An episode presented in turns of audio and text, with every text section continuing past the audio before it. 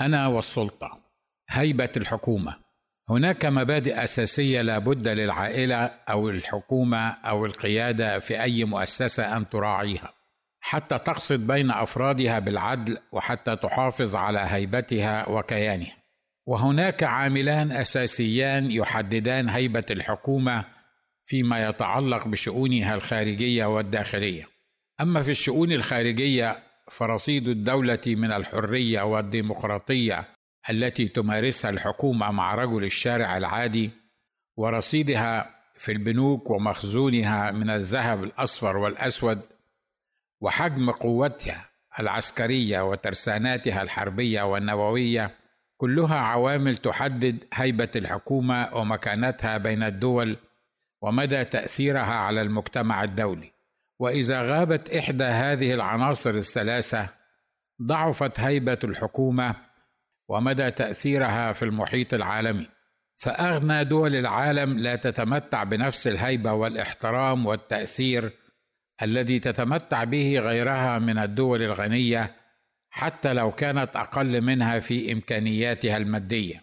إن هي افتقرت إلى الديمقراطية والحرية الحقيقية داخلها. وافتقدت ترسانة حربية ترهب بها عدو الله وعدوها فأمريكا الدولة العظمى دون منازع ليست أغنى دول العالم لكنها تمتلك من الإمكانيات المادية والحرية والديمقراطية التي يتمتع بها كل من يحيا على ترابها ما يكفيها لأن تكون رائدة العالم في هذا المجال. كما أن ترساناتها الحربية تؤهلها لأن تضع أرجلها على أعناق أعدائها. أما فيما يتعلق بالشؤون الداخلية فهيبة الدولة تحددها مجموعة مختلفة من العناصر التي إذا غابت فقل على الدولة السلام. وأهم هذه العناصر هي القوانين التي تحكم هذا البلد ومدى احترام المواطن العادي لهذه القوانين التي وضعها ممثلوه. الذين يفترض أنه انتخبهم بمحض إرادته واقتناعهم. تلك القوانين التي تحكم كل ما يدور بداخل البلد من كبير وصغير الأمور.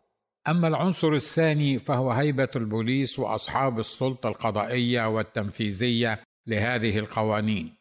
فالقوانين المتضاربة والموضوعه ليلغي أحدها الآخر عند اللزوم توقع الناس في حيرة من أمرهم وتصل بهم لحالة من الفوضى والسخط العام وعدم الاحترام للقوانين ذاتها وواضعيها والقائمين على تنفيذهم.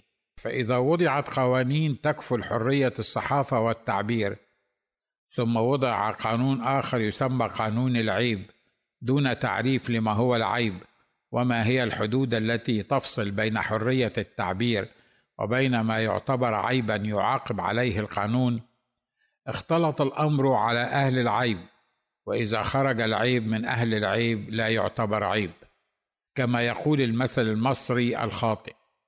وإذا نص الدستور وهو القانون الأعلى للبلاد على أن الشريعة الإسلامية هي المصدر الرئيسي للقوانين والشرائع التي تحكم الدولة ثم نصت مادة أخرى في القانون ذاته ونفس الدستور على مبدأ المواطنة وأن المواطنين جميعا سواسية كأسنان المشط في الحقوق والواجبات وقع الناس في لخبطة أدت بهم إلى ما لا يحمد عقباه. وجهاز البوليس في أي دولة لو كان ساهرا على تنفيذ القوانين المفترض أنها واضحة غير متضاربة وتعبر عن الواقع الذي يعيشه الشعب بشرط أن يطبق هذا الجهاز هذه القوانين عليه اولا. ويلتزم بها ثم يطالب الآخرين بتنفيذها لصحت الدولة وكان لها هيبتها الداخلية. أما إذا امتلأ جهاز البوليس بالكذب والغش والرشوة والمحسوبية والتمييز العنصري والديني فكيف يحتفظ هذا الجهاز بمصداقيته وهيبته في تطبيق القانون وشعاره الشرطة في خدمة القانون؟ وما يقال عن هيبة الدولة يطبق على هيبة العائلة وسلطة الأب والأم على الأولاد. ففي أسرتنا الصغيرة وكأي أسرة مستقرة أنا وزوجتي وولدان لدينا قوانين ومحللات ومحرمات ومبادئ لابد من الالتزام بها بدءا مني رأس هذه العائلة ووصولا إلى ابن الصغير البالغ من العمر اثنى عشر عاما وقت كتابة المقال. فكل منا له حق التعبير عن نفسه. حق الاعتراض على ما لا يروق له في الأسرة الصغيرة. كما من واجبه احترام الآخرين. يعرف الأبناء أن السلطة في البيت في يد الأب والأم اللذين يحبان ويضحيان لأجلهما بكل نفيس وغالي. ولكنهما يعلمان أيضا أن لديهما من السلطة لتنفيذ القوانين العائلية وإن لزم الأمر العقاب ضد الخارجين عن هذه القوانين. ونحن نعلم أننا لسنا أربعة ملائكة نكون أسرة على الأرض بل لكل منا إمكانياته وضعفاته وأغلاطه وحسناته. لكن تجمعنا أسرة واحدة بسيطة متحابة ومستقرة. عندما يعلو صوت الابن الأكبر وهو يتناقش مع والدته في أمر ما وأنا أجلس على مقربة منه وبالرغم من أن الحديث لا يخصني ولا يلمسني مباشرة إلا أنني لابد أن أتدخل بصورة حادة وأذكره أن الصوت العالي يخالف قوانين هذا البيت. ومن خلال خبرتي في تربية الأطفال لاحظت أن الأطفال وهم في السن الصغير يجرون اختبارات لوالديهم ليتعرفوا على ردود أفعالهم. ففي أول مرة يطلب فيها الطفل شيئا وتمنعه عنه حتى لو كان المنع لمصلحته تجده يرفع صوته بالصراخ وقد يلقي بنفسه على الأرض ويتشنج ويراقبك هل تعطيه ما يريد أم لا؟ وكثيرا ما يتنازل الآباء ويوافقون مجبرين على تلبية رغبات صغارهم بسبب صراخ أطفالهم منعا لإحراجهم أمام الآخرين خاصة إذا كانوا خارج منازلهم. وهكذا تصبح طريقة التفاهم وأخذ وامتلاك ما يريده الطفل هو الصراخ والصياح والتهديد. وهكذا يوالي الصغار اختبار آبائهم في كل مواقف الحياة.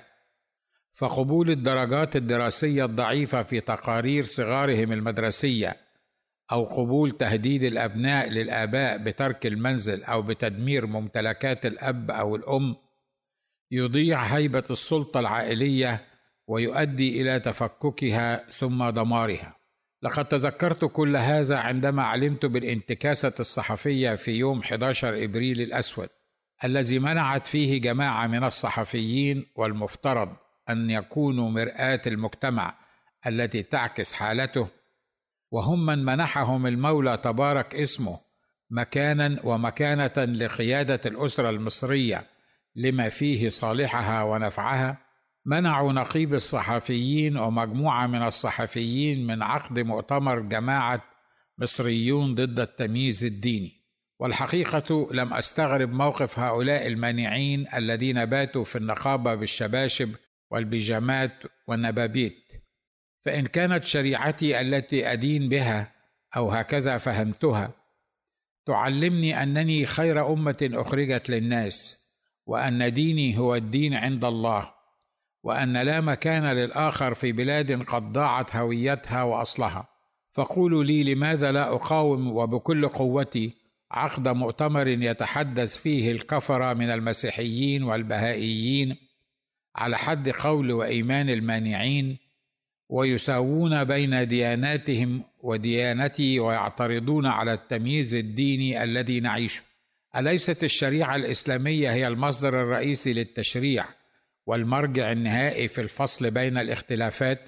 ولما أتعجب من موقف نقيب الصحفيين الذي لم يرد أن يبلغ البوليس بالواقعة والسبب أنني أضع نفسي بدلا منه؟ فلو كان قد أبلغ البوليس لوضع هذا الجهاز الأمني في موقف لا يحسد عليه. فلو تقاعس البوليس عن أداء مهمته في القبض على من احتلوا النقابة دون وجه حق وكسروا بنود عقد مبرم بين النقابة وأصحاب المؤتمر وهي جريمة يعاقب عليها القانون لهاجت الصحافة نفسها وكتبت ضد البوليس وتواطؤه مع المحتلين وتقاعسهم عن أداء مهمتهم. ولو تحرك البوليس وقبض على الصحفيين المحتلين للنقابة لبدأت مجزرة لا يعلم نهايتها إلا المولى تبارك اسمه. ولاتهمت نفس الصحافة البوليس باقتحام النقابة والقبض على صحفيين يعبرون عن استيائهم لعقد هذا المؤتمر. ولو فعل النقيب وأبلغ البوليس لاحتسبها عليه منتخبوه أنه سمح للبوليس بالقبض على المحتلين. لكن الحقيقة ما لا أفهمه هو كيف يأخذ البوليس المصري هذا الموقف السلبي تجاه من احتلوا النقابة وكسروا القوانين وتحدوا السلطات وفرضوا إرادتهم على الحكومة وجهازها المنوط بحفظ هيبتها وقبضتها على الأحداث. وهل كان البوليس المصري يعلم باحتلال هؤلاء الصحفيين للنقابة وإقامتهم بها ولم يتدخل في الوقت المناسب لمنعهم؟ أم كان لا يعلم وهو ما لا أصدقه؟ فإن كان يعلم بهذه المكيدة وسكت عن مواجهتها قبل أن يتفجر الموقف فهذه مصيبة كبيرة. أما إذا كان لا يعلم فهي مصيبة أكبر. وإن كان يعلم ولم يواجه الفتنة والبلوى قبل وقوعها فهل هذا لأنه موافق على ما حدث؟ ويرى أن أولئك المحتلين لهم الحق في عمل ما عملوه أم كان يعلم لكنه هرب من المواجهة بينه وبين جماعة دابت على رفع صوتها بالصراخ والتهديد والوعيد والتفجير؟ وإن كان لا يعلم فكيف يستقيم هذا مع علم هذا الجهاز بالنملة السوداء وهي تدب على جبل أسود في ليلة سوداء كليلة 11 إبريل 2008 كيف لا يعلم جهاز الأمن بجماعة احتلت نقابة الصحفيين وخططت لمنع مؤتمر متعاقد عليه ومعلن عنه؟ وهو نفسه الجهاز الذي علم بأن رب عائلة مسيحية في قرية من قرى المنوفية يقوم بعمل اجتماعات روحية شهرية في بيته دون ترخيص. ووضعت البيت ومن فيه تحت الحراسة. كيف أن هذا الجهاز لم يعلم بهذه المصيبة وهو يعلم تفاصيل تصليح كل دورة مياه في كنيسة أو ترميم مذبح أو منبر في بيت من بيوت الله. ويتحركون بقوة عسكرية لوقف هذا المشروع قبل بدايته. كيف لم يعرف هذا الجهاز فتنة الاحتلال وتكسير القوانين التي حدثت في وضح النهار؟ هل يحتاج البوليس منفذ القانون وحاميه أن يبلغ أحد عن جماعة تكسر القانون حتى يتحرك لحماية القانون والدفاع عن هيبة الحكومة؟ هل ينتظر البوليس أن يبلغ أحد عن تاجر مخدرات يقف علانية على قارعة الطريق يبيع سمومه للعامة؟ وهل يحتاج البوليس لمبلغ عن لص أو بلطجي يخيف من حوله حتى يتحرك البوليس للقبض عليه. لقد قامت هذه الجماعة الدينية باختبار قدرات الحكومة ورد فعلها في مناسبات كثيرة تماما كالطفل الذي يختبر ردود أفعال والديه قبل أن يكرر خطأه. لقد اختبرت هذه الجماعة رد فعل الحكومة يوم رفع طالب الطب الكرسي على أستاذه ليضربه به في مكتبه وقد أخفقت في علاج هذا الموقف. واليوم أصبح هذا الطالب الرجل الثاني في تنظيم القاعدة. لقد اختبرت هذه الجماعات ردود أفعال الحكومة في أحداث الزاوية الحمراء. الكشح العياط الإسكندرية وغيرها وفي جميعها لم تنصف الحكومة المظلوم وساومت الظالم لتشتري صمته. واليوم تدفع البلاد ثمنا باهظا من هيبتها وكرامتها وقدرتها على التحكم في الأمور. ترى ماذا ستكون الخطوة القادمة التي ستقدم عليها هذه الجماعة بعد كل هذه الاختبارات التي اختبرتها لهيبة الحكومة؟